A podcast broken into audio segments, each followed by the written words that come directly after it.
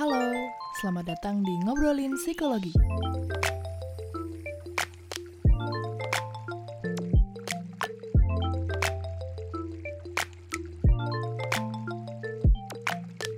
Halo teman-teman, selamat datang di podcast Ngobrolin Psikologi.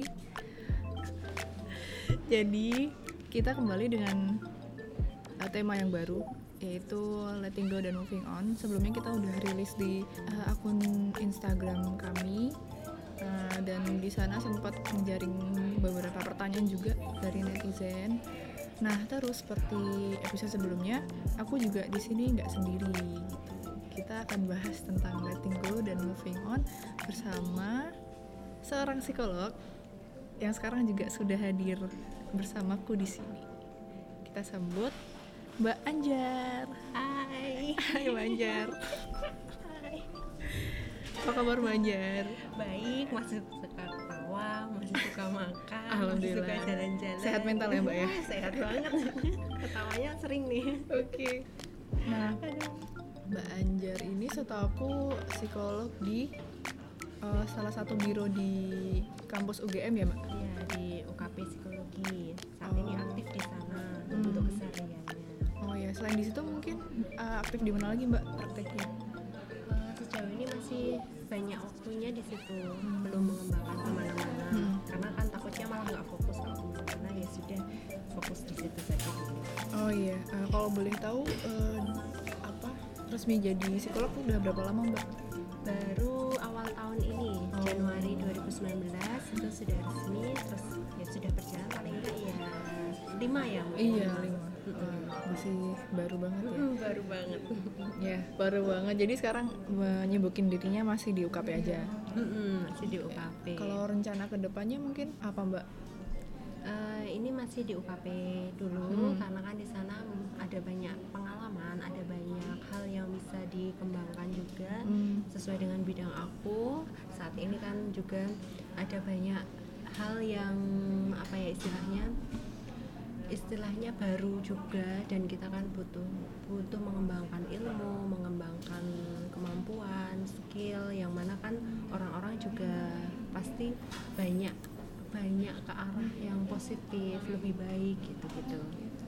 Jadi, jadi lebih ke pengembangan kesehatan mentalnya lebih ke positif psychology aja dulu sih. Oh ya, berarti concernnya kesehatan mental dan positive psychology. iya kalau Kalau- bahasa awamnya ya pengembangan diri Oh iya, benar-benar benar. Terus Mbak Anjar ini berarti psikolog apa? Klinis ya? Mm-mm. Oh. Oke. Nah, Mbak, eh, sekarang kan kita mengangkat sebuah tema nih, Eh, yaitu letting go dan moving on. Kalau menurut Mbak Anjar sendiri, baik dari pengalaman sebagai psikolog maupun pengalaman pribadi, kayak gimana sih fenomena ini di apa ya anak-anak sekarang, terutama anak muda mungkin ya, yang pernah dihadapi sama Mbak Anjar? Oke, ini cerita tentang tentang apa ya penanganan aja ya. Hmm. Maksudnya di situ banyak banyak kasus atau hal-hal yang ku alami gitu kan.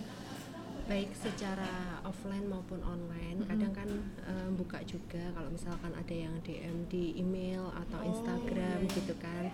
Nah, ketika mereka bertanya ya dengan senang hati akan memberi brief aja. Eh, yang paling sering ya nanti ketemu langsung. Nah, selama perjalanan ini menjadi psikolog, paling banyak itu eh, tentang bagaimana menjadi lebih baik atau bagaimana menjadi lebih positif, bagaimana menyembuhkan luka. Lebih ke arah mungkin memang kayaknya energiku menarik hal-hal yang kayak gitu kali ya. Oh, iya. Jadi lebih ke arah moving on juga, Oh. bagaimana cara move on, bagaimana cara menghadapi stres kayak gitu dan bagaimana untuk menjadi lebih baik atau lebih positif lagi. Jadi emang mungkin eh, dari pengalaman Mbak Anjar banyak juga gitu ya kasus-kasus Mm-mm, moving on yang ditanyain ke Mbak Anjar gitu. Heeh, iya kemarin itu kalau kalau dipres dipersentasekan itu sejumlah 76% kan mereka akan kebanyakan bertanya tentang bagaimana cara memaafkan Hmm. memaafkan tidak hanya ke orang lain tapi lebih ke diri sendiri banyak loh saat ini kasus-kasus itu yang justru orang sulit untuk memaafkan diri sendiri memaafkan kegagalan bagaimana Iya, iya, iya. berdamai dengan diri sendiri Mm-mm. bahkan kalau terkait dengan hal-hal yang berdamai dengan diri sendiri tidak hanya terkait dengan relasi pasangan ya tapi juga hal-hal lain yang ada dalam kehidupan itu hampir 86% kan orang orang masih belum mengenali dirinya sendiri belum tahu bagaimana caranya untuk bergerak ke arah yang lebih baik Hmm. kayak gitu. Itu yang apa tadi presentasi itu dari mana mbak dapatnya? Kemarin sih sempat survei ya di Instagram itu oh ternyata banyak juga ya Mm-mm. gitu terus dari klien-klien yang dihadapi juga kan banyak ternyata merasa sulit untuk melepaskan sesuatu sulit untuk memaafkan sesuatu bahkan kaitannya sama diri sendiri bukan lagi sama orang lain terkadang oh iya, iya. Mm-mm. menarik ya padahal biasanya moving on tuh kan kayak ya relationship sama orang tapi ternyata sebelum moving on itu juga kita banyak pergolakan sama diri sendiri ya mbak Iya, jadi uh, bukan semata-mata oh kamu harus move on. Pokoknya Hmm. ketika putus dari pacar ya kamu harus move on gitu. Tapi sebenarnya bahasan tentang move on itu tidak hanya terbatas di situ. Bahasan tentang move on itu juga bagaimana uh, diawali dengan bagaimana kita melepaskan sesuatu, bagaimana kita deal dengan sesuatu, bagaimana kita da- berdamai dengan sesuatu. Kemudian bagaimana mengikhlaskan dan akhirnya kita bergerak. Yang namanya bergerak itu kan berpindah tempat. Iya. yang namanya berpindah tempat itu kan artinya kita menjadi lebih baik ke arah yang lebih baik ke arah yang positif kalau kita pada akhirnya bukan ke arah yang positif kan artinya kita kita mengalami kemunduran Hmm. nah Iya, iya, iya. itulah Diam di kenapa tempat Heeh, atau diam di tempat lebih parahnya mundur atau iya. kalau paling tidak ya diam di tempat gitu nah sedangkan perjalanan hidup kita kan mengarahkan kita untuk maju Mm-mm. mengarahkan kita untuk lebih baik berjalan ke depan Hmm. gitu nah itulah kenapa kita penting untuk move on kita penting untuk melepaskan masa lalu yang dirasa tidak menyenangkan Hmm. loh berarti kita nggak bisa dong belajar dari masa lalu Hmm. ada orang yang bertanya kayak gitu Iya, gitu iya. kan bukan bukan seperti itu kita tetap belajar ke masa lalu Mhm. tapi ketika kita melihat masa lalu ada hal-hal yang yang kita perlu lepaskan karena hal itu menjadi toksit kah menjadi membuat hidup kita stagnan Iya. atau menjadikan kita eh, lebih banyak negatifnya Mm-mm. gitu. Nah di situlah kita perlu melepaskan dan perlu bergerak atau Hmm. moving on. Gitu. Wih, mantap nih. Nah sekarang sebenarnya letting go atau melepaskan itu apa sih definisinya Mm-mm. dan artinya kita harus ngapain gitu? Oke. Kalau kita baca di berbagai artikel atau Hmm. jurnal itu Iya. kan akan ada banyak sekali definisi tentang letting go. Hmm. mulai dari bagaimana nanti ujungnya memaafkan, kemudian mengikhlaskan. Tapi kan kalau kita baca artikel-artikel yang saintifik itu kan rasanya kok berat gitu ya. Iya, iya. Nah, di sini saya ingin menyimpelkan atau menyederhanakan bahasanya Hmm. dengan mengartikan letting go itu sebagai mengizinkan pergi Hmm. atau melepaskan sesuatu pergi. Oke. Mm-mm. Ya. Nah, sesuatu itu apa sih sebenarnya? Tidak terbatas pada relasi, tidak terbatas pada hal-hal yang berbau konkret gitu atau yang terlihat, tapi bisa juga sesuatu yang dirasa tidak nyaman di dalam diri sendiri yang itu bisa berdampak negatif pada kita. Nah, itu yang yang lebih fokus ke situ apa ya namanya? eh, baik pikiran, baik emosi, perilaku maupun hal-hal lain yang dirasa itu membuat negatif atau berdampak buruk pada kita. Nah, itulah yang perlu dilepaskan. Oke. Itu itu kan tentang melepaskan ya mbak. Kalau aku pernah dengar itu ada yang namanya five stage of grief. Jadi lima lima tingkatan dalam atau lima tahapan dalam eh, melepaskan seseorang atau sesuatu dalam hidup kita. Nah itu ada hubungannya nggak sih mbak sama eh, letting go ini? Oh iya ada banget kaitannya itu. Eh, lima stage itu kan sebenarnya dari Kubler-Ross tadi itu ya, di mana dia itu menemukan ada lima tahapan untuk menuju penerimaan diri. Nah penerimaan diri itu kan eh, ibarat kata menerima kondisi, menerima hal-hal yang terjadi dalam hidupnya gitu. Nah ini kan kaitannya sebelum menerima diri kita perlu melepaskan dulu melepaskan sesuatu atau mengizinkan pergi sesuatu yang tidak nyaman, yang dirasa negatif, sampai pada akhirnya kita menerima kondisi atau accepting something. Nah, dengan dengan apa ya pemahaman ini artinya kita sadar bahwa akan ada muncul emosi-emosi negatif dulu. Misal kita lihat orang yang baru putus pasti ada kemarahan nggak sih? Putus pacarnya mbak? Heeh, putus pacar. Misalkan eh, ada orang udah pacaran 9 tahun terus ternyata di titik terakhir dia putus. Rasanya kan kesel marah. Iya iya ada ada kemarahan lah kekecewaan. Nyesel juga kayak udah lama banget. Di situ kan ada. Kemudian muncullah denial. Hmm.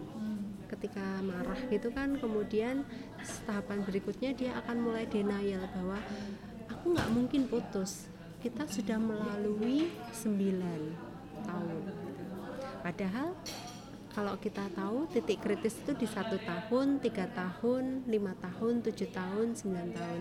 Ya memang ganjil-ganjil itu uh, kritis-kritisnya gitu kan. Nah muncullah konflik.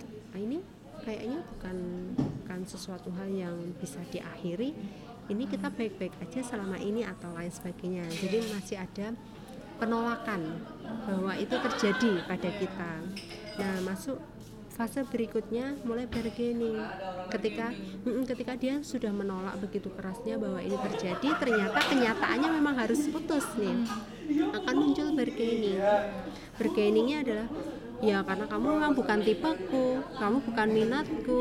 Ya memang kita sejak awal nggak cocok. Aku kayak kepleset aja. Kok bisa sih aku sama dia gitu? Kayak ibarat kata gitu ya mulai mulai merasionalkan. Padahal di sininya masih ada perasaan kecewa perasaan negatif lainnya terluka. Ibarat kata masih terluka.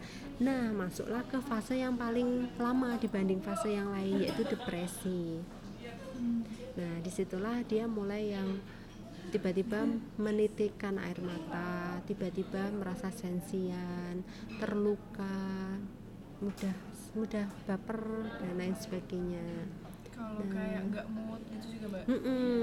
Jadi kan orang ciri-ciri orang depresi kemarin habis bahas depresi Iya, ya. Kemarin udah bahas habis depresi. Nah, nah di situ ada muncullah fase depresi di situ. Artinya dia sudah masuk ke tahap keempat dari proses itu.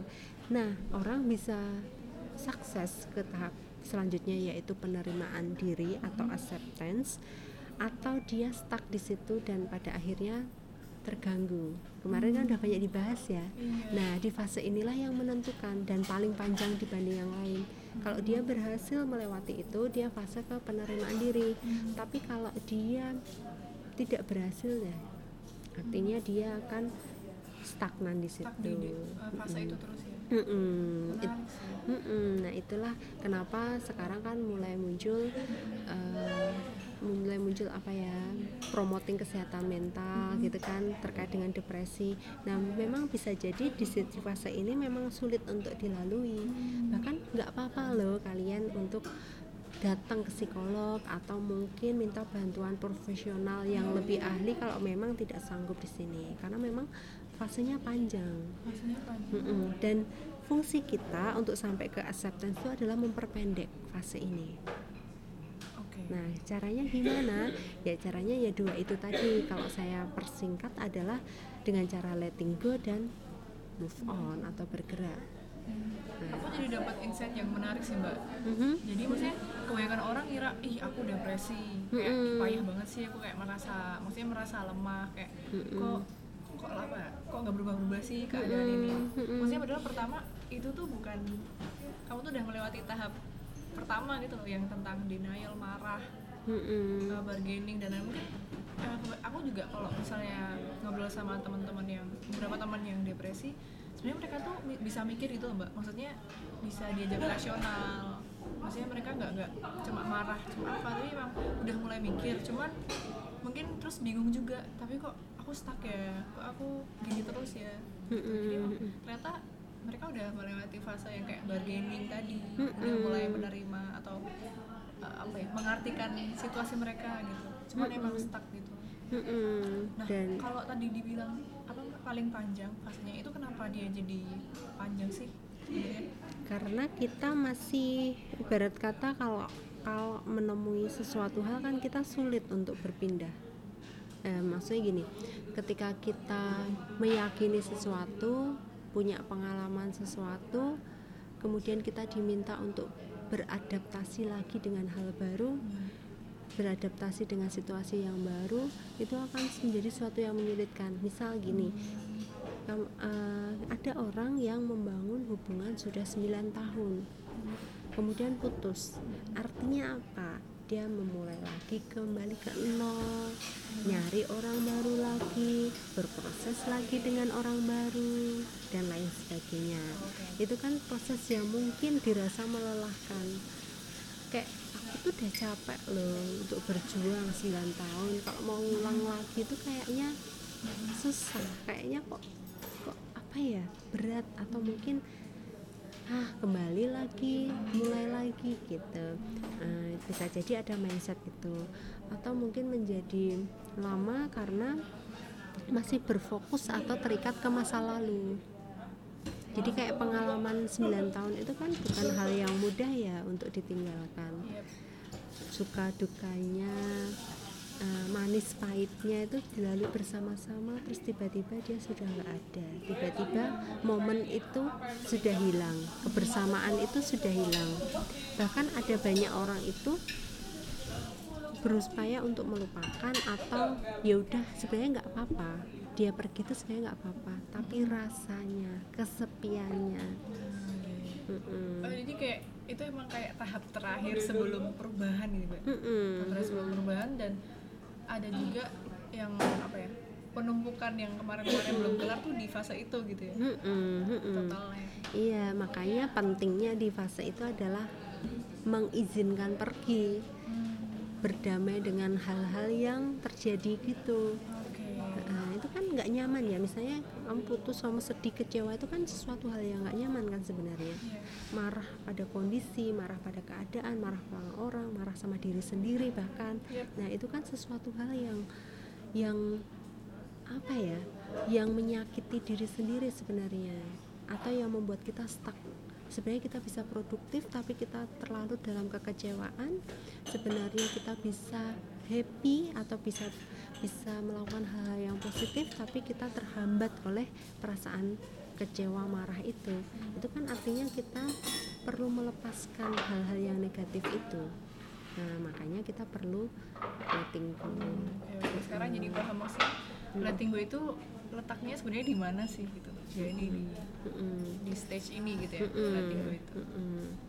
Kemudian setelah letting go kita baru bisa bergerak atau move ke tahap selanjutnya yaitu acceptance gitu.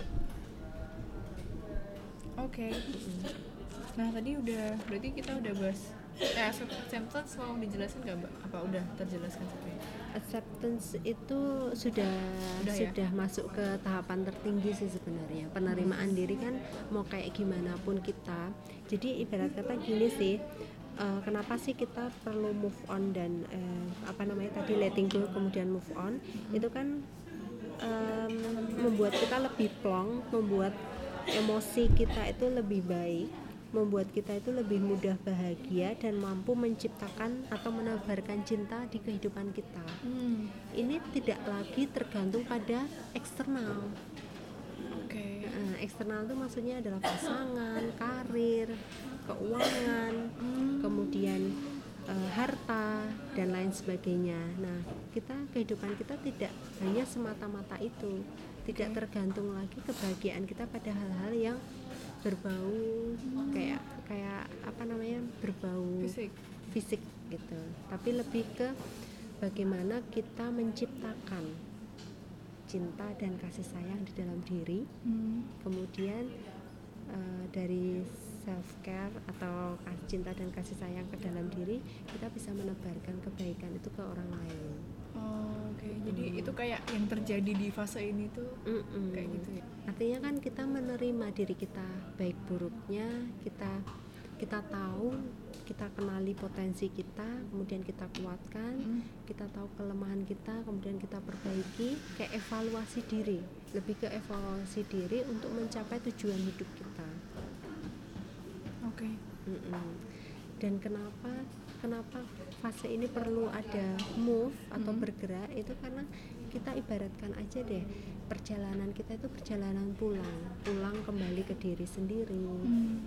bagaimana bisa menjadi myself atau be yourself gitu Hmm. kan nah itu kan sebenarnya kita berjalan nah ibaratnya gini misalnya Mbak Janet nih Iya. sama saya mau pulang ke rumah Mm-mm. rumah kita sama misalnya ya Oke. eh, deketan tetanggaan nah saya berjalan setapak demi setapak nah Mbak, Mbak Janet hanya jalan di tempat karena tidak move on Oke. nah saya move on dengan Mm-mm. cara jalan setapak demi setapak Mm-mm.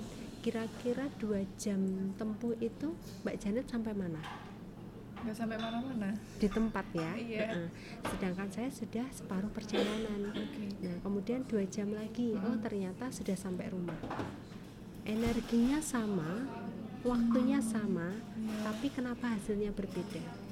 Karena Mbak Anjir bergerak, Iya, nah itulah berpindah. kena- Heeh, itulah kenapa pentingnya berpindah atau bergerak. Hmm. Oke. Mm-mm. Jadi kan nggak wasting time juga kan di situ. Wasting energy, wasting Heeh, time. mm-mm. Itulah kenapa pentingnya move on di sini. I see, I see Mbak. Lanjut Mbak. Oke. Ini ini udah ya acceptance ya. udah. It's about Mm-mm. berpindah. Mm-mm. Jadi dari keadaan yang stuck tadi, gimana cara kita menerima dulu. Setelah menerima baru kita kayak semacam punya energi ya Mbak untuk Mm-mm. berpindah. Mm-mm. Oke, kalau kayak gitu mungkin aku mulai nanya move on itu berpindah itu gimana sih Mbak? Kayak kapan kita tahu kita udah bisa move on gitu? kita bisa move on itu bisa kita tengarai beberapa hal sebenarnya Hmm. tapi cara gampangnya atau kita sebagai orang awam itu bisa mengenali dengan empat sisi empat Oke. sisi itu dari kognitif kita atau mind kita Mm-mm. Kita tidak lagi berfokus pada hal-hal masa lalu yang membuat kita serasa korban, membuat kita serasa satu-satunya orang yang menderita. Kita tidak lagi mengingat-ingat kejadian yang yang mana kita terluka, membuat kita stuck, nah lain sebagainya. Itu sudah berpikir ke arah visioner atau ke arah maju. Nah, kemudian tanda yang kedua adalah masalah emosi. Nah, emosi di sini kita masih mengingat atau memori itu ada, Mm-mm. tapi rasanya sudah berbeda. Oh, oke. Mm-mm. Jadi kan pernah kan kita kayak oh iya dulu aku mengalami hal ini Mm-mm. atau mungkin yang sekarang istilahnya bucin gitu Oh ya. iya benar-benar. Ini banyak banget sekarang bucin-bucin Oh, ini. bener. sempet ya bucin gitu. Para bucin dengerin ya. nah di sini oke lah kita Hmm. dulu mungkin bucin atau eh, apa ibarat kata baperan maksimal gitu Iya. kan ya memang karena di fase itu kita belum berpindah belum move on sehingga ketika kita sudah move on kita ingat kejadian itu dan kita Mm-mm. bisa menertawakannya mungkin Hmm. rasanya berbeda tidak lagi tidak lagi yang menggebu-gebu atau mungkin ketika kita patah hati juga bisa Hmm. ketika kita patah hati sekali benar-benar benci maksimal sama orang nggak bisa Mhm. ketemu sama dia kemudian nanti ketika berpindah atau move on tadi kita sudah nggak ngerasain itu lagi Hmm. Terus secara emosi tadi ya Mbak. Mm-mm. kemudian secara perilaku kita sudah biasa aja tidak lagi withdrawal mungkin tidak lagi minder mungkin Hmm. Mm, Jadi sudah lebih produktif lebih Oh. happy terus yang keempat adalah spiritual gimana kita Mbak? jadi jadi lebih lebih bijak sih sebenarnya paling kalau kalau secara agama ya kita lebih dekat sama pencipta hidup Hmm. agama apa pun kan sebenarnya kita diajarkan untuk untuk apa ya beriman atau meyakini pencipta hidup Hmm. nah mungkin dia juga bisa menjadi lebih lebih apa ya lebih dekat dengan Tuhannya gitu Hmm. Berarti itu ke tadi empat sisi move on ya mbak. Mm-mm. Eh, apakah yang tentang spiritual itu emang apakah semua orang akan berakhir dengan dekat dengan penciptanya tadi? Ya sebenarnya enggak sih Oh. tapi lebih ke ini ya kalau secara realnya adalah menjadi lebih baik sih sebenarnya Mm-mm. baik secara uh, secara pikiran kalau kita tahu positive mind gitu Hmm. kan kemudian kemudian uh, positive emotion kemudian positive behavior Hmm. nah nanti secara spiritual kan mesti ada positive vibe gitu positive Yeah. life gitu Eh, nah lebih ke situ sih sebenarnya uh, Hmm. bahasan saya. Uh, dalam artian kan um, ketika kita ketika kita menjalani hari-hari itu lebih ringan. Hmm, I feel tanpa beban. Ha-ha, Iya, tanpa iya. beban. Pernah nggak sih ngelihat orang yang kalau ditemuin itu bawaannya itu happy happy aja bawaannya Iya. enak nyantai kemudian kita enjoy aja diskusi sama dia ngobrol sama dia gitu kan nah sebenarnya kan dia sudah fase penerimaan dirinya udah tinggi gitu Oh, gitu ya. Mm-mm. dan bisa jadi itu sudah tanda bahwa dia memang sudah move on kalau kita bisa melihat perubahannya loh ada loh orang di titik terendahnya ketika patah hati kok kayak gitu banget tapi begitu dia sudah move on Hmm. nah dia menjadi orang yang sangat sangat ceria sangat sangat positif gitu loh Hmm. jadi orang di dekatnya itu kayak tertarik aja sama dia ngobrol berinteraksi sama dia itu menjadi kayak kayak lebih bersemangat gitu Mungkin itu kayak eh, the law of attraction juga ya, ya? Oh, iya. Oh, iya, iya, iya, iya. artinya atau ibarat kata kalau kita ini ya kita menghadapi situ- situasi yang dulu Hmm. dengan yang sekarang kita perbandingkan sudah memutus rantai dari ketidaknyamanan maksudnya gini eh, contoh nih kita kita itu takut sama orang yang yang galak atau sukanya membentak atau Oh iya iya. Heeh, atau mungkin kita punya ide apa selalu dibantah, selalu dikritik.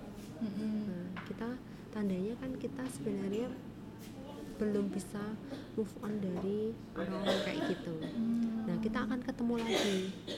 Ketemu lagi meskipun orang berbeda tapi situasinya akan sama, rasanya akan sama. Nah, begitu kita sudah melepaskan hal itu, kemudian kita move on, pasti nanti rantai itu akan terputus dengan sendirinya. Ah, iya iya iya Mm-mm. iya. Menarik menarik menarik. Itu yang bikin kayak hidup jadi lebih ringan juga tadi ya Mbak ya. Oke. Nah sebenarnya ini ada pertanyaan nih dari netizen. Kalau barusan kita kan bahas eh, bisa bisa tahu kita udah move on tuh gimana. Nah itu sebenarnya emang Mm-mm. ada pertanyaan bagaimana mengetahui bahwa kita sudah letting go dan moving on. Mm-mm. Berarti udah terjawab ya udah itu barusan ini ya. Heeh, paling cara paling gampangnya adalah Dari itu empat aspek tadi ya. Empat aspek atau paling mudahnya ketika kamu merasakan sesuatu Mm-mm. kemudian saat ini kamu sudah tidak merasakannya lagi ketika kamu ketemu dengan dia yang pernah membuatmu patah hati sudah baik-baik saja nah itu artinya kamu sudah move on sudah letting go juga Oke, itu Ta- tanda-tandanya. Mm-mm. tapi hati-hati ya ada beberapa orang yang ketika patah hati bisa berinteraksi kembali ada yang tidak bisa berinteraksi kembali Dengan si orang itu. Mm-mm. Oh iya. nah iya. fokusnya bukan bukan di situ Hmm. fokus move on itu adalah dengan diri sendiri Oh, iya, Mm. iya. Jadi itu bukan tolok ukur gitu lah ya, Mbak. Heeh, sebenarnya lebih ke bagaimana kita mengikhlaskan dan menerima emosi yang ada dalam diri kita Hmm. terlepas dari dia kembali atau tidak Hmm. nah kita sudah bisa untuk bergerak maju Oke, oke, oke. So it's about dealing with yourself gitu lah ya. Mm-mm, mm-mm. kayak yang pembicaraan kita yang di awal tadi Hmm. tidak lagi kehidupan kita itu tergantung dari eksternal yang mana itu pasangan, harta, kekayaan, karir tapi lebih ke diri kita diri kita yang sesungguhnya diri kita yang bisa berdaya diri kita yang bisa produktif ibarat kata. Mantap banget. Mm-mm. terus nih Mbak, ada satu pertanyaan lagi.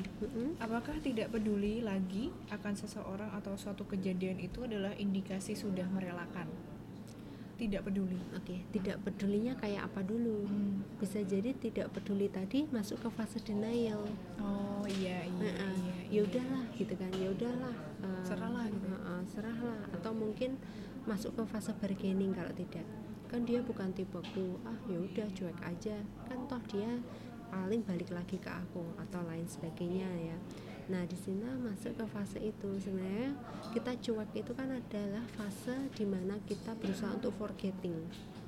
Padahal letting go itu bukan forgetting. melupakan. Mm-mm, tapi tentang melepaskan. Oke. tentang mengizinkan dia pergi. Hmm. coba dicek yang kedua adalah dengan cara itu yang pertama ya tadi. Mm-mm. yang kedua dengan cara ke perasaan atau hati kita. Orang lain bisa kita bohongi tapi coba tanya ke dalam diri kita Mm-mm. ketika dia melakukan sesuatu atau ketika dia bersama orang lain misalnya apakah hati kita masih sakit apakah kita masih baperan ibarat katanya Hmm. masih kecewa, masih men-trigger emosi kita. Kalau itu masih ada rasanya, berarti kita belum move on. Hmm. Itu baru cara kita untuk menghindari rasa sakit. Jauh di dalam kita masih terluka sebenarnya. Itu. susah banget tuh mbak cara bedain kita hanya melupakan dan belum melepaskan gimana oh ya lebih aware tadi ya sama Eh, eh. trigger triggernya Sama ini. Kalau kita masih terluka, kita ingat kejadian dan kita masih marah, kita Hmm. masih kecewa. Tapi kalau kita sudah melepaskan atau sudah move on, kita ingat kejadiannya, tapi kita sudah baik-baik saja. Rasanya Iya. sudah berbeda. Nah, itu penanda paling gampang. Ya. Ada emosi yang terkoreksi, Hmm. ada emosi yang berbeda. Hmm. Misal gini, misal eh, saya ketemu sama mantan saya, Hmm. masih kayak kecewa, nggak terima gitu kan. Nah, itu berarti belum on. padahal kayak dia mungkin bicara ke diri sendirinya ah aku udah nggak peduli tapi pas ketemu ternyata masih kayak, kayak gitu susah gitu kan Susah, nah ya. sebenarnya kita belum move on itu Oh, kalaupun oke. kalaupun sudah melepaskan dan menerima kita Hmm. belum bisa berpindah ke lain hati nah inilah yang menjadi titik kritis orang langsung biasanya belum belum memberi kesempatan pada diri kita untuk berproses diri sendiri Mm-mm. Hmm. belum memberi kesempatan untuk eh, apa namanya mencintai atau self care terhadap diri kita sudah nemu yang lain. Nah, Nah, itu, terkadang itu benar-benar kayak Mm-mm. sebagian orang lebih milih untuk nyari orang baru daripada merasakan sakitnya Iya, tadi nah itu.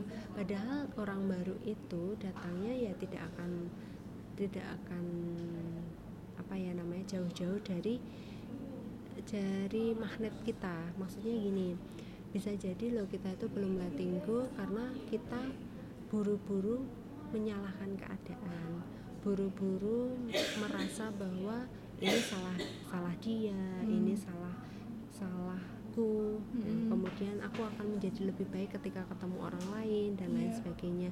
Nah, fase di mana dia istirahat untuk meli- mengevaluasi atau melihat kembali dirinya kan belum ada. iya Mm-mm. Nah, makanya ketika itu perasaan masih ada, masih belum move on, cobalah untuk mengevaluasi dan cobalah untuk menilik kembali. Kira-kira kira-kira apa sih yang terjadi dalam diriku? Apa sih yang membuatku belum move on dan apa sih yang sebenarnya tujuan hidupku? Apakah dia menjadi tujuanmu? gitu kan kalau memang memang pasangan itu hanya sebagai alat atau atau pelampiasan pelampiasan kita kan menjadi sia-sia sekali kan proses kita Hmm. nah artinya kan kita perlu perlu mengakhiri dulu perlu melepaskan dulu kemudian perlu move on dulu baru setelah kita memang benar-benar oke mau berpikir mencari pasangan ya terserah Hmm. Ini mbak eh, ada yang nanya tapi ini mbak kalau misalkan ketemu sama orang terus cocok ter- dan Iya, bisa iya. jadi kan kita sebenarnya sudah move on juga nah ya tergantung lagi Mm-mm. tergantung dirimu itu cepat move on apa enggak ukuran cepat atau tidaknya itu tergantung diri masing-masing ada yang tiga bulan itu sudah oke ada yang setahun dan ada yang bertahun-tahun Iya. Nah, kita lihat sebenarnya ketika kamu bertemu dengan dia, itu sudah ada emosi baik-baik saja atau belum? Hmm. Kalau sudah ada, artinya kamu siap menerima orang baru. Hmm. Artinya kan kamu mencintai dia bukan karena pelampiasan dari emosimu sebelumnya. Hmm. Jadi itu kayak tricky banget ya mbak. Misal Mm-mm. orang saya dia merasa sakit hati, terus merasa ketemu orang yang bisa mengobati tanda kutip dirinya, Mm-mm. Dan dia terus kayak misal sampai memutuskan nikah, misalnya, nah kan kayak apa ya? Kita nggak tahu later on dalam hidupnya apakah dia benar-benar baik baik aja apa enggak. Mm-mm. Nah, untuk untuk tahu kayak gitu, kembali lagi ke diri sendiri. Tidak ada case yang yang apa namanya bisa menyelamatkan dirimu. Orang lain tuh nggak ada selain dirimu sendiri. Hmm. Jadi, oke, ketika kamu bilang ke orang lain, aku udah move on kak.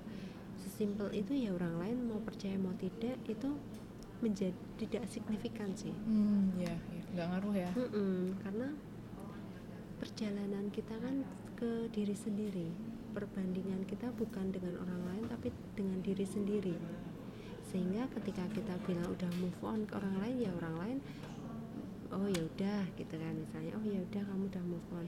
Tapi kan yang merasakan kita sendiri oh ternyata kita memang belum move on ya. Gitu Hmm. Ternyata emosi itu ada ya. Oh ternyata mungkin ada kemarin ya berapa eh, mengeluhkan setelah menikah ternyata muncul emosi-emosi yang dulu sudah dipendam dulu sudah dianggap tidak ada. Hmm. nah bisa jadi itu muncul di permukaan lagi. Ketika kita ngedrop ketika kita menemui pemicu lagi gitu Eh, terus berarti apakah kalau menurut Mbak Anjar nih ya, apakah partner yang kita pilih itu selalu yang ber- beresonansi sama dengan kita? Kalau aku sih meyakini iya Hmm. karena kan pasti melengkapi ya Tapi resonansinya di saat kita bertemu dengan dia ya. Mm-mm, Di saat itu juga resonansi Mm-mm. yang itu bukan resonansi yang besok atau sebelumnya. Mm-mm. Jadi di saat itu juga, nah Hmm. bagaimana cara kita biar awet dan lain sebagainya, ya sama-sama move on, sama-sama pasangan Bisa ya itu nanti? bisa, Hmm. sama-sama pasangan itu move on dalam artian gini, eh, kita berjalan bersama, Hmm. gandengan. Kalau satu berlari dan satunya jalan santai, move onnya bareng nggak? Enggak, tinggalan satu. Iya, makanya berproses bersama-sama untuk move on bersama itu lah yang menjadi kunci. Oke. Mm-mm, jadi kayak, Nemuin fase ya eh, yang cocok buat berdua gitu. Mm-mm, bagaimana? jadi supaya lebih ke komunikasi, Hmm. kompromi juga gitu kan. Mm-mm. Apalagi kalau kalau yang datang itu beda karakter sama kita. Maaf yang namanya resonansi itu nggak melulu sama ya, tapi Hmm. bisa jadi yang berbeda itu beresonansi. Justru berkebalikan. Mm-mm, misal Hmm. orangnya talkative ketemunya sama orang pendiam nah Hmm. itu bisa jadi beresonansi memang Hmm. karena kan fasenya berjalan dia malah saling melengkapi Mm-mm. nah di situ kan bagaimana kompromi berjalan bersama mau, mau kehidupan dihadapi seperti apa nah itu kalau sudah nemu baru kita akan tahu prosesnya seperti apa Hmm. Oke. Terus balik lagi ke yang tadi berarti em, pernyataan bahwa orang lain bisa mengobati luka dalam diri kita tuh bisa dibenerin nggak sih mbak sebenarnya? Hmm, jadi gini ya kita punya dulu ibarat kata gini deh kamu punya pulpen untuk ngasih pulpen ke orang lain kan Hmm. Kalau Iya. kamu belum punya pulpen Mhm. bagaimana cara kamu memberi orang lain pulpen nah, Nggak bisa. Nah, sama dengan cinta ketika kamu punya cinta artinya kan kamu bisa memberi ke orang lain Iya. dan kalaupun nanti kamu mendapatkan cinta kan karena memang kamu sudah memberi juga Hmm. ibaratnya gini ketika ketika kamu datang ketemu orang lain kamu memberi senyum orang Hmm. lain ngasih kamu senyum nggak Senyum. Nah, tapi kalau kamu cemberut Hmm. orang lain Belum tentu. belum tentu nah berlaku juga dengan hubungan ada orang lain yang bisa menyembuhkan ya ada Hmm. tapi kalau diri kita yang kekeh tidak mau move on Hmm. Sia-sia juga ya. mm-mm. nah Oke, oke. kalau diri kita mau move on dan orang lain menyembuhkan itu kan jadi kombinasi yang baik Oh. Hmm. Kayak ibaratnya gini deh. Misalnya kita mau mau melupakan. Hmm. melupakan pengalaman yang pahit gitu kan. Oke kita udah siap nih. Terus nemu orang yang mau menerima diri kita apa adanya. Tapi kita nggak pernah bisa melepaskan ingatan terhadap hal-hal atau pengalaman yang menyakitkan itu apakah apakah itu menjadi baik dalam hubungan? Hmm. Jawabannya ya tidak, karena pasti kita akan belajar dari pengalaman masa lalu. Hmm. Pengalaman mengatakan demikian, terus dibawa ke relasi dengan yang sekarang. Hmm. Aku dulu dikecewain kayak gini, Hmm. pasti nanti dia juga akan memperlakukan kayak gitu. Nah akhirnya kan dibawa juga ke pasangan yang sekarang. Oke. Iya, iya, iya. Sehari dua hari oke, kalau bertahun-tahun apa pasangan nggak bosan? Apa pasangan bisa biasa aja? Mm-mm. Enggak kan? Konflik, konflik, konflik. Hubungan pun menjadi tidak here and now. Hmm. Padahal kan itu masalah dengan pasangan yang lalu. Iya. Sedangkan dibawa ke yang sekarang, masalahnya adalah berbeda, orangnya berbeda. Ternyata kita masih memegang pengalaman masa lalu. Gitu loh maksud saya. Iya, iya. Hmm. Oke. Akhirnya ya banyak yang berujung ke perceraian kemudian berujung ke konflik berkepanjangan sebenarnya kan awal mulanya salah satunya seperti itu Belum selesai dengan diri sendiri. Mm-mm. Aduh, sulit, sulit, sulit, sulit. Oke, nah aku lanjut ya mbak. Tadi mungkin udah sedikit dibahas, tapi Mm-mm. aku pengen nanya, kapan harus, kapan kita harus move on? Ketika kita sudah merasa tidak nyaman Hmm. ketika kita merasa sangat stagnan dan ketika kita merasa semakin negatif atau Hmm. toksik dalam kehidupan kita misal em, contohnya ketika kita paling gampang apa ya fenomenanya Move on ya. Hmm, Gagal keterima di kampus? Oh ya, oke. impian? Nah, ketika kita gagal, yang namanya gagal itu kan menyakitkan ya. Iya. Nah, ketika terus kita nyoba lagi gagal lagi, Oh, iya. mencoba lagi gagal lagi. Hmm. Nah, kita evaluasi nih. Kita kan perlu evaluasi, perlu bergerak. Hmm. Ibarat kata kayak gitu kan. Iya. Nah, kalau kita tetap di situ kan kita stagnan dan kita merasakan sakit, terluka, menghadapi kegagalan terus. Mau nggak? Enggak. Nah, kalau nggak mau berarti kita perlu move on. Caranya gimana? Ya caranya kita mengevaluasi kembali. Sebenarnya kita gagal itu kenapa sih? Apakah jurusan yang kita tuju itu terlalu sulit? Apakah jurusan itu nggak cocok sama kita? Atau kitanya kurang giat belajar? Hmm. Nah, letaknya kan di situ Hmm.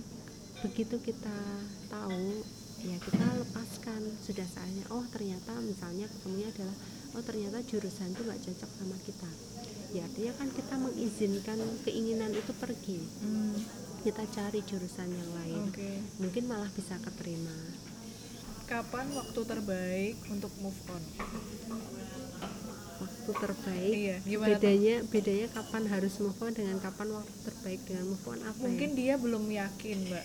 Oke. Apakah aku sekarang udah boleh untuk move on? Entah siapa yang Mm-mm. butuh dia minta izinnya, nggak tahu. Mm-mm. Tapi mungkin dia kayak ragu-ragu. Eh, mungkin kayak misal aku harus move on. Mungkin misal kayak tadi, aku masih pengen nih kuliah di jurusan ini. Tapi kayak kok aku gagal terus? Apakah ini saatnya aku ganti jurusan dan memutuskan untuk move on atau tetap nyoba lagi apa gimana gitu? Em, kalau kalau? Kalau hal itu kita lihat lagi ke tujuan awalnya. Oh balik ke awal. Heeh, tujuan hidup tujuan awalmu oh oke. itu apa? Dapat Hmm. Kalau memang itu semakin menjauhkanmu dari tujuan Hmm. atau semakin membuatmu stagnan ya artinya saat itu juga kamu perlu bergerak ke Hmm. arah yang lebih baik kan Hmm. misal nih eh, cara gampangnya adalah kita dari sini mau ke Sukurindo Hmm. ada jalan tercepat dan ada jalan yang ibarat kata ngalang gitu. Iya. eh ternyata kita tersesat dan ngalang. Ngalang kayak apa mbak? Ngalang itu semakin jauh. Muter ya, iya, muter, muter, muter. muter yang jauh, jauh dari ya ya. terlalu jauh muternya ya? Aduh maaf ya bahasanya. Susah didefinisikan. Nah itu. Ya, terlalu jauh muternya. Nah Hmm. artinya kan kita perlu berhenti dan menyadari bahwa bahwa ini tidak bisa dilanjut. Hmm. kita perlu berbalik arah menuju jalan yang benar gitu. kalau orang tua bilang golek oh jalan padang nah itu jadi kita kembali ke jalan yang benar Hmm. sehingga kita menuju impian atau menuju jalan yang semakin dekat dengan impian Hmm. cita-cita atau goal awal kita Hmm. Pun ini termasuk terhadap pasangan lo ya Hmm. misalnya pasangan kita ternyata toksik pasangan kita ternyata bukan orang yang tepat gitu kan Hmm. dan pada akhirnya kita putus gitu kan Hmm. ya berarti dia memang bukan bukan orang yang membersamai kita Hmm. artinya waktu dia dengan kita pun sudah selesai bukan berarti dia orang yang buruk belum tentu Hmm. dia pernah loh jadi orang yang terbaik dalam diri kita pernah menjadi orang yang yang membuat kita lebih baik tapi memang waktunya sudah habis sehingga kita perlu bergerak ke arah lain yang mana itu lebih dekat dengan tujuan kita juga Hmm. maksudnya gini ada jalan ke barat dan ke timur kemarin kita sama-sama berjalan ke barat eh ternyata kita nemu simpangan. Dia harus ke selatan dan kita harus ke utara. Hmm. ya artinya kan kebersamaan kita memang perlu berakhir juga. Dan mungkin ketika kita melanjutkan perjalanan kita akan menemukan sahabat seperjalanan yang lain. Hmm. dan itu apakah yang lalu itu tidak lebih baik dari sekarang? Ya bukan begitu. Proses yang kemarin harus kita lalui bersamanya adalah proses proses yang berbeda. Misalnya kita kemarin berjalan melewati sawah gitu ya. Hmm. nah yang sekarang kita mungkin akan bertemu dengan hutan bertemu dengan batu kakak ya kita memang sedang butuh teman bersahabat apa sahabat seperjalanan yang berbeda Hmm. gitu. Jadi emang nggak bisa dibandingin ya mbak Mm-mm. kayak gitu Mm-mm, jadi bukan berarti yang kemarin itu buruk jelek enggak. Yang kemarin itu ya tetap tetap sebagai proses perjalanan kita. Dan saya percaya semua yang bergerak di dunia ini tidak ada yang kebetulan.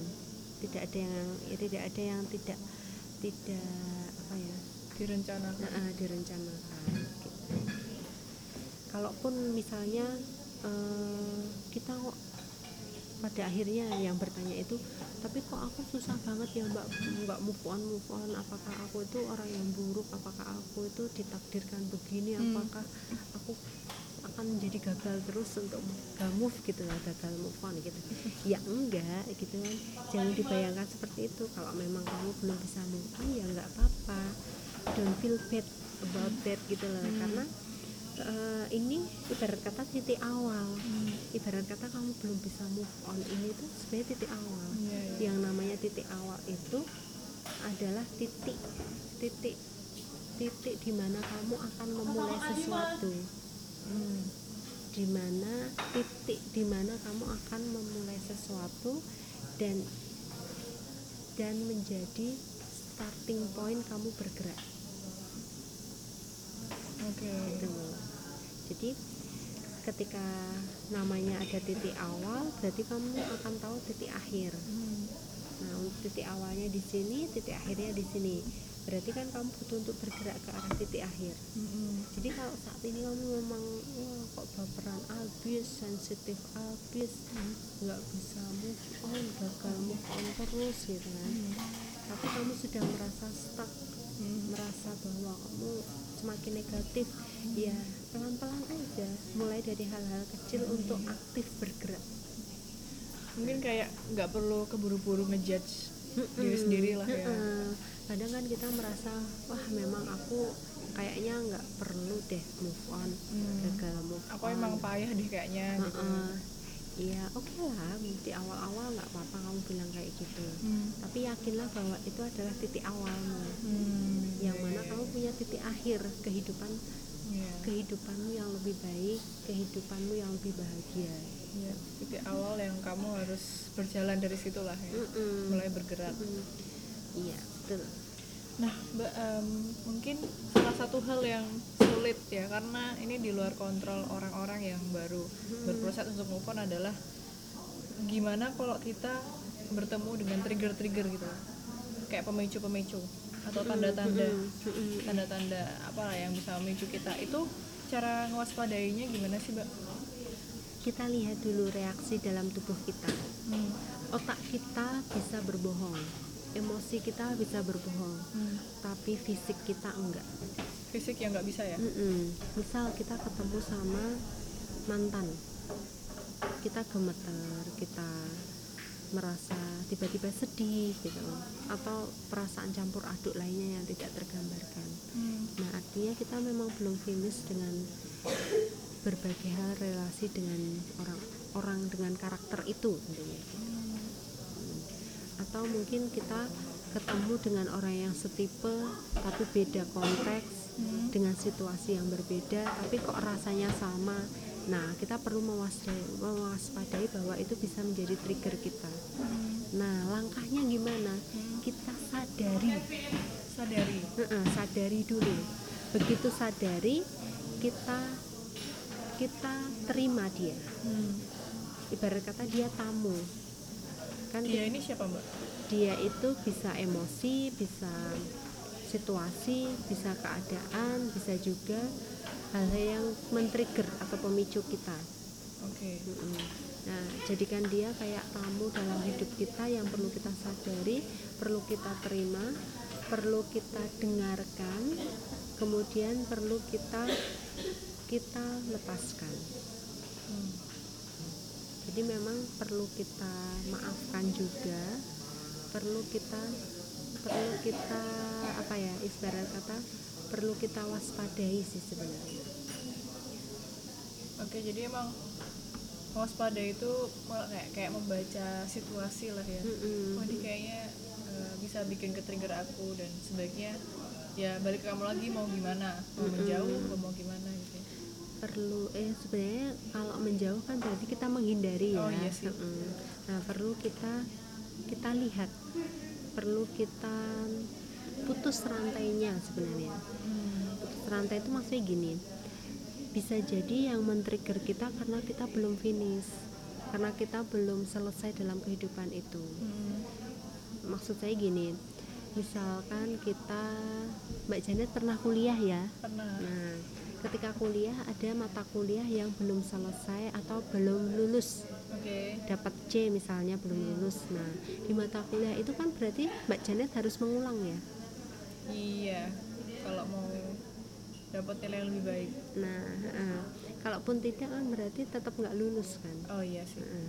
sama dengan kehidupan kita anggap saja bahwa trigger-trigger itulah yang meng- yang mengindikasikan kita belum lulus di situ Hmm. sehingga kita akan diulang terus diuji terus dengan trigger-trigger itu Hmm, Jadi dia akan ada terus ya. Mm-mm, sampai kita bisa berdamai sampai kita bisa melepaskannya dan sampai kita bisa move on ke tantangan hidup berikutnya.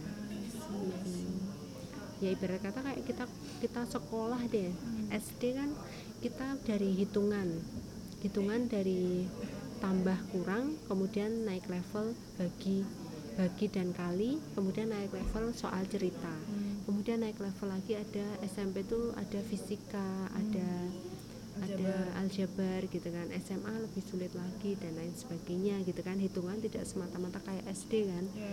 nah kalau kita belum lulus kita pasti akan tinggal di kelas Hmm. dan akan mengulang lagi Ya, ya, ya. ketika kita udah lulus baru kita naik kelas nah sama dengan fase kehidupan kita Hmm. ketika kita stuck ketika kita belum lulus kita akan ditemukan dengan trigger yang sama lagi sampai kita lulus nah tugas kita apa mengenali tanda-tanda itu itu menjadi PR kita banget kapan sih kita kita ketemu trigger itu dan pandai-pandainya kita untuk mengenali tanda-tanda bahwa kita akan ketemu lagi dengan trigger yang serupa biar tidak mengalami dampak yang sama Hmm. Ya, ya, ya. Paham, paham sekarang.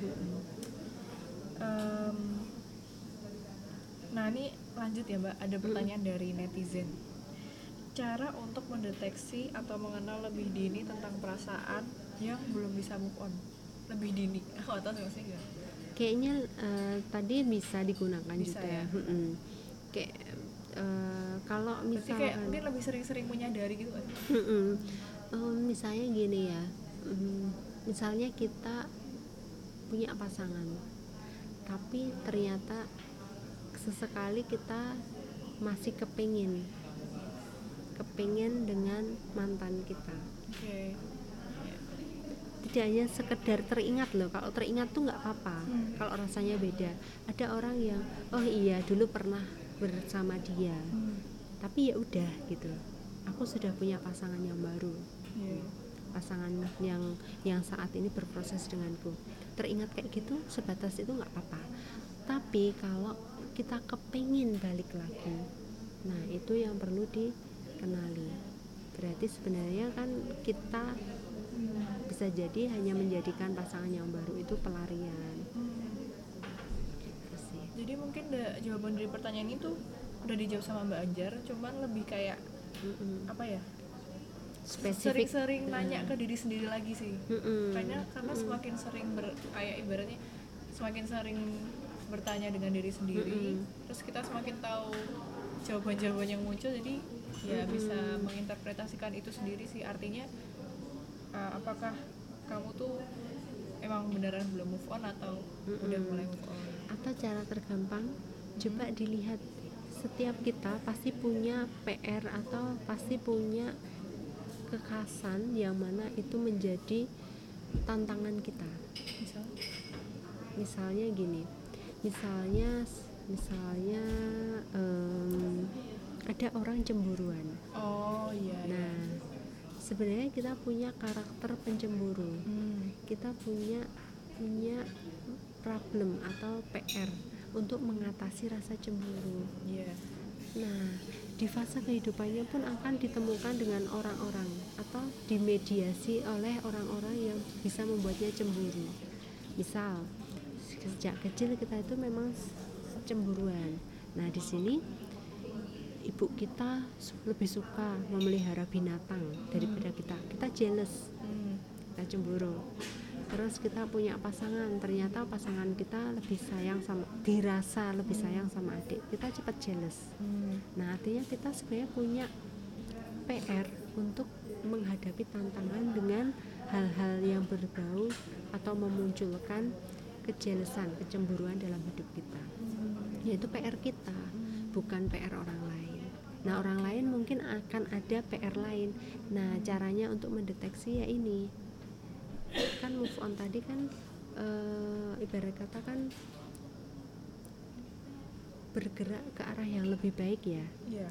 Nah, kalau bergerak ke arah yang lebih baik, berarti ada karakter yang membuat kita tertahan di situ. Ada unfinished di dalam diri kita yang membuatnya tertahan. Hmm. Nah, unfinished itu apa? Tiap orang berbeda. Bisa jadi adalah karakter kita yang cemburuan. Berarti Jadi, yang hmm. berarti yang kita evaluasi adalah karakter yang Karakter ya. cemburuan itu. Sebatas apa sih Hmm. kamu perlu bercemburu? Mau bertemu dengan pasangan kayak apa pun kalau karakter dasar ini masih ada dalam diri kita ya jangan harap bahwa pasangan kita akan bisa menerima itu. Yang namanya berelasi itu adalah 50-50 loh porsinya. Kalaupun nanti ada konflik ya tetap 50-50 juga porsi untuk menyelesaikannya. Maksudnya gini em, ketika konflik konflik nih satu konflik nih oke kita punya sejumlah list kesalahan pasangan ya kan listnya itu udah A B C sampai Z udah. Oke itu udah ada. List itu coba diletakkan dulu. Nah sekarang kontribusimu terhadap konflik itu apa?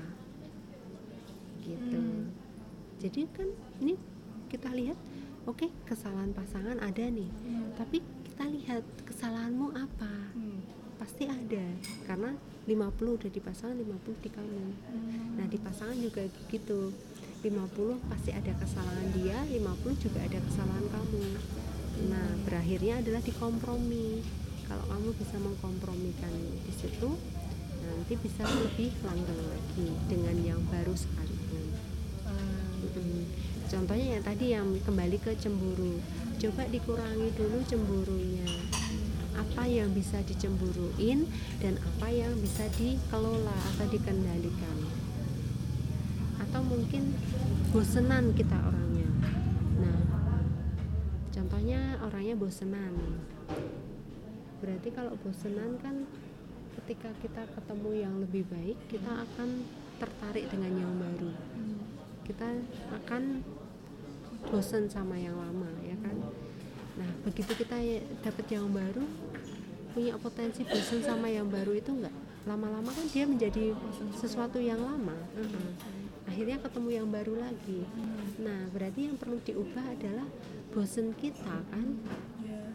bukan pasangan atau situasi Iya, iya, iya. Mm, gitu mungkin maksudnya bos eh, penanya ini kayak kalau dengan cara ini lebih Mm-mm. kayak mulai dari apa yang karakter khas dari dia Mm-mm, gitu lah. yang perlu dievaluasi yang perlu dievaluasi atau perlu diubah atau Mm. perlu dibuat lebih positif Nah, Kayak gitu.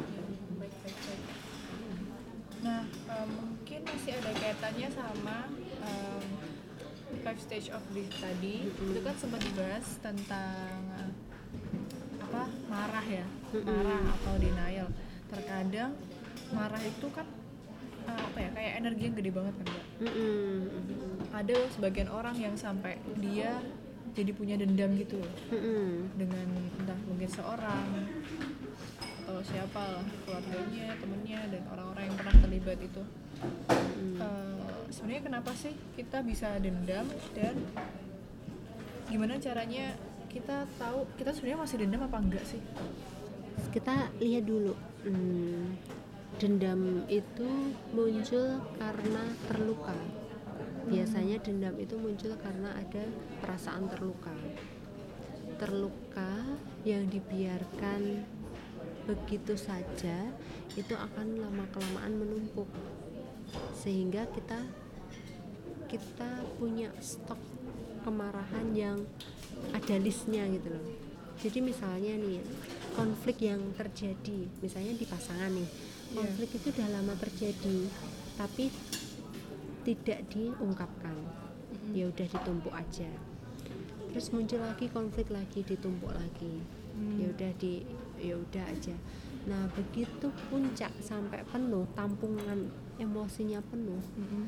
akhirnya kan memuncak memuncak sehingga sehingga kita jadi putus misalnya begitu putus hubungan itu memang selesai tapi emosinya kan belum Hmm. emosi kecewa emosi marah Iya. itu masih kita simpan. Nah yang sering kali adalah menyalahkan satu sama lain. Ketika berakhir ini kan terkadang kita masih membawa emosi yang sebenarnya belum finish itu sehingga menyalahkan pasangan kita. Hmm. kemudian yang muncul adalah perasaan benci. Yang ditumpuk-tumpuk akhirnya dendam. Aku pengen bales dia. Hmm. aku pengen Iya, iya. pengen berbuat lebih biar Iya. dia kecewa Heeh, biar biar dia, dia tahu aku rasanya gimana ini. Heeh. Iya. mau sampai kapan perasaan itu disimpan Tapi itu kalau kan orang yang kayak gitu ditanya kayak gitu tuh jawabannya nggak tahu mbak nggak tahu nah nggak tahu nah apakah dengan kamu menjadi bisa membalas dia itu perasaanmu lebih bi- lebih baik iya jawabannya Mungkin iya, iya ya. mungkin iya iya gitu sih ya. karena udah melampiaskan Ah, ah. Tapi kita lihat kita pun tidak akan cukup puas dengan satu dua kali Hmm. pembalasan lo ya oh ternyata bisa dia bisa merasakan menderita kayak aku nih gitu Hmm. itu kan pertama kalinya enak ya Hmm, tapi kita akan pengen lagi pengen lagi untuk dendam Hmm. kita berfokus untuk membalas dendam itu sedangkan orang lain mungkin sudah berjalan maju Iya. apa kita nggak sia-sia Hmm. itu lebih ke situ sih ya nggak apa-apa kalau kamu memang memilih untuk menyimpan dendam dan melampiaskannya Oke. tapi pada akhirnya hidupmu itu akan habis akan fokus dengan bagaimana membalas dendam bukan menuju tujuan hidupmu Oke. Nggak kayak pointless gitu ya. Mm-mm. ya kalau dia udah mati misalnya gini Hmm. Maksudnya kehidupannya eh, sampai nanti dia tuh dendam terus dia pada akhirnya sudah mati gitu ya Hmm. lah ya mau balas dendam dengan cara apa lagi gitu Hmm. sedangkan kan kita butuhnya adalah mencapai tujuan hidup kita kan menjadi sia-sia kan sebenarnya hidup Iya. kita lebih ke situ sih Hmm. Hmm. terus cara tahu kalau kita masih menyimpan dendam atau enggak maksudnya mungkin kayak lebih bisa kayak menyadarinya gimana gitu ya mm-mm. kadang orang kan mungkin punya tapi karena nggak bisa Mm-mm. jadi dia nggak nggak yakin nih aku tuh berarti masih dendam apa kalau kita masih sensitif terhadap relasi Hmm. dia fokus kita masih ke dia terus ada rasa tidak nyaman ketika mendengar misalnya dia udah punya yang baru Hmm. atau lain sebagainya ada emosi negatif yang muncul di situ Hmm. yang artinya mungkin kita masih punya rasa rasa dendam gitu. Ada kemarahan. Sebenarnya dendam itu diawali dengan kemarahan.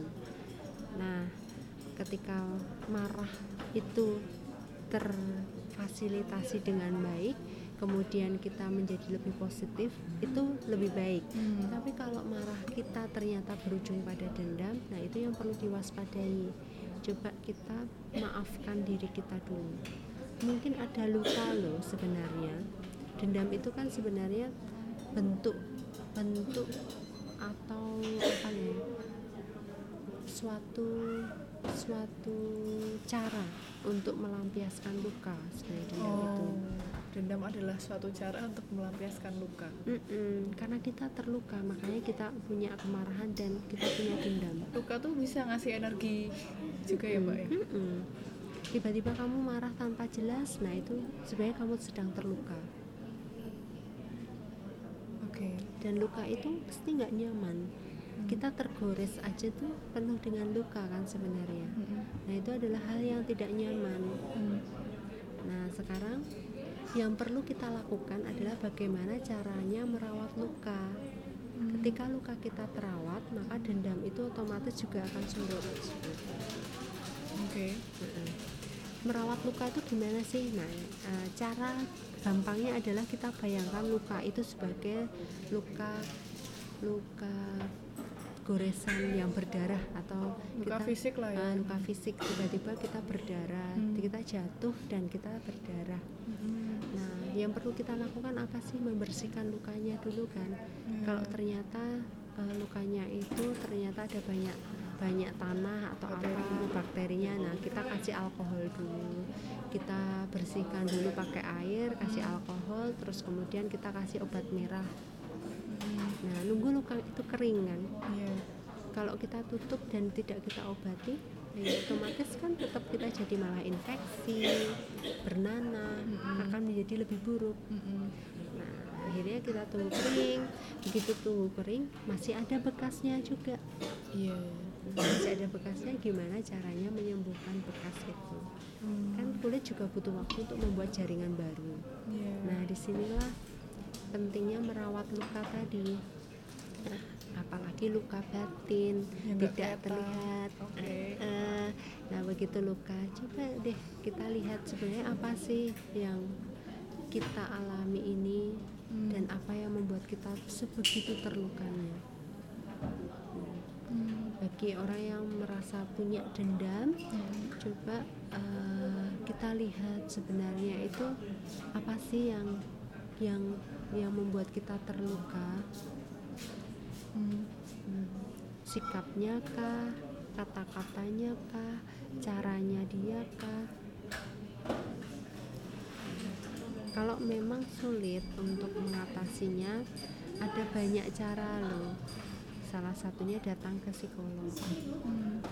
Nah, Kenapa sana, Mbak itu rekomendasi pertama? em, Apakah karena rumit atau apa? ya bisa jadi karena memang stepnya orang bisa memaafkan itu memang ada fasenya Hmm. ketika kita bertanya misalnya dendam itu kan kaitannya sama memaafkan atau letting go ya Oke. nah kita bisa bisa mel- melihat atau mempertanyakan ke dalam diri Hmm. coba eh, bisakah kita atau saya melepaskannya bersediakah saya melepaskannya kapan mau melepaskan Hmm. Terus Nah, kalau kita bisa mengatasi pertanyaan itu ya nggak apa-apa kita bisa memproses sendiri. Hmm. tapi ketika kita malah semakin sulit semakin merasa bahwa butuh orang lain ya nggak apa-apa loh kita ke orang lain. Nah masalahnya mencari orang atau teman yang bisa dipercaya itu kan bisa saja tidak semudah itu Hmm. ada orang yang menemukan teman dengan dengan mudahnya kemudian membantu dia move on Mhm. atau letting go atau memaafkan tapi ada beberapa orang yang tidak punya teman nah makanya nggak apa-apa loh kamu datang ke psikolog Hmm. karena mereka bisa membantumu atau memfasilitasimu untuk merasa lebih baik Oke. Mm-mm. itulah kenapa eh, salah satu yang bisa saya rekomendasikan Ada lagi Mbak mungkin rekomendasi? Atau itu ter terkait dendam ya atau apa nih Hmm. Ya menyelesaikan dengan diri sendiri sih. hmm, Sama ini masih Mbak eh, tentang dendam. Ada yang penasaran eh, kayak kenapa orang dewasa itu bisa punya rasa dendam sih padahal kan waktu kecil kayaknya kita nggak nggak kayak gitu. nah ini jadi coba lihat interaksi anak kecil saya pernah membandingkan ya Hmm. anak umur lima tahun waktu itu mereka marah mainan rebutan mainan saya punya ponakan banyak di situ ada yang lima tahun dan empat tahun Hmm. mereka itu punya mainan rebutan mainan gitu terus Iya. ketika nggak boleh ada yang nangis gitu kan Mm-mm. Tapi kemudian ketika kita dekati oh iya pengen ya mainan mainan kakak ya sebenarnya. Tapi nggak boleh iya. Nah ya udah yuk buat bersama saling memaafkan dulu. Anak lebih muda loh. Tadi lima menit yang lalu berantem lima menit yang sekarang itu Udah baik kan? udah baikan. Nah yang menjadikan kenapa orang dewasa itu lebih mudah menyimpan dendam adalah kompleksitas kita. Bibit memaafkannya itu tidak kompleksitas itu maksudnya itu eh, apa namanya ada hal-hal pikiran-pikiran atau mungkin emosi-emosi lain yang memperumit keadaan. Nah, yang kedua adalah bibit memaafkan kita tidak disirami atau tidak dirawat dengan baik. Sejak Se- kecil. Mm-mm, sehingga kita lebih mudah menyimpan dendam, lebih mudah menyimpan emosi negatif. Apalagi kalau penelitian terbaru nih, Hmm. otak kita itu lebih mudah untuk mendeteksi rasa tidak nyaman. Oke. Karena dengan dengan demikian kita bisa survive dan menghindari rasa tidak Oh nyaman. iya iya oke. Nah, karena pada dasarnya kita itu punya punya punya kecenderungan menolak ketidaknyamanan. Misalnya saya gini, nah kenapa Mbak Janet berkedip? Mbak tadi ngapain Mbak? Saya oh, ini Menaruh apa sih? Apa? Gangguin mata. Heeh, Terus nah, aku kedip heeh, kaget. kaget. Terus kayak mau itu Takut mendeteksi nyolok. itu sebagai ancaman. Nah, Nanti takut nyolok. kecolok. Nah, Iya. sebenarnya kan kita secara refleks itu menghindari rasa tidak nyaman Hmm. menghindari menghindari ancaman nah luka rasa kecewa itu kan ancaman untuk menghindarinya nah kita menyimpan rasa luka itu seakan-akan tidak ada Hmm. nah rasa luka yang disimpan terus menerus akhirnya kan menjadi dendam pengen membalas Hmm. pengen pengen orang lain juga ngerasain yang Iya. sama. Oh itu ya. Hmm. anak kecil tuh polos masih yang tidak tahu apa-apa memaafkan ya sudah memang beneran memaafkan sedangkan kalau kita kan ya Gengsi lah ya Ah. atau apa sih misalnya eh, yang bikin suka kan mungkin malu juga ya gengsi malu Mm-mm. takut dipikir apa sama orang lain Mm-mm. Mm-mm. ya, Ada- ya, ya. Terkadang kan kita yang perlu kita kenali adalah nggak apa-apa loh kita belum bisa memaafkan Mhm. kalau saya biasanya gini em, wah sakit banget gitu kan Hmm. sakit banget aku nggak kayak gitu kok tapi kok aku merasa dijudge ya gitu Hmm. coba ini storyku atau kenyataan Hmm. Story itu kayak kayak cerita dalam pikiranku bikin saya atau kenyataan. Nih kalau memang hanya cerita dalam diriku yang yang mengatakan bahwa dia bermaksud jahat terhadapku bermaksud menjelek-jelekanku ya kita kita hold dulu. Hmm. sampai ditemukan fakta bahwa mereka memang menyakitiku gitu kan. Nah, setelah terkonfirmasi kita lihat nih eh, sebenarnya story itu tuh benar atau enggak? Apakah memang perlu disampaikan atau tidak? Hmm. kalau disampaikan dengan cara seperti apa? Iya. kita masih emosi yang mana itu emosi sesaat atau sudah kepala dingin?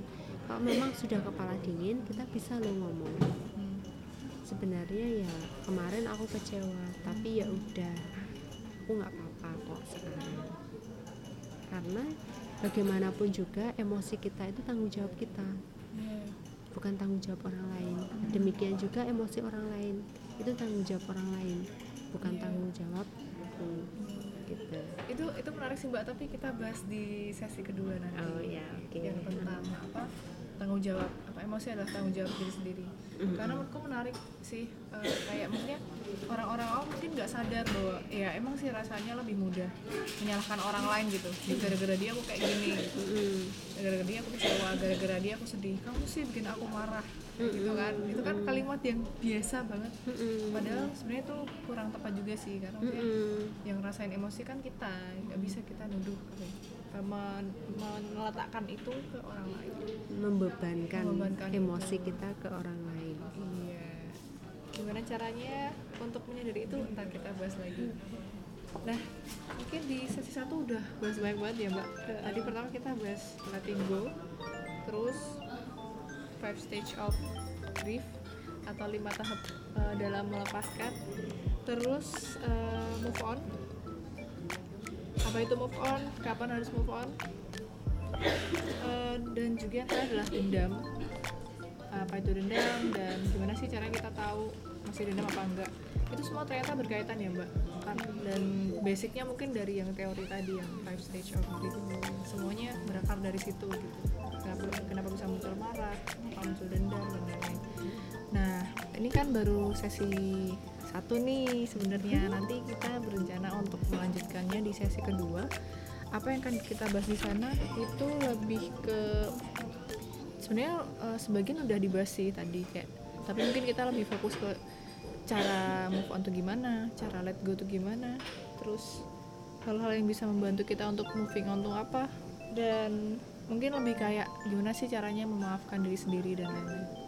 Seperti itu teman-teman. Banjar ada yang mau disampaikan lagi?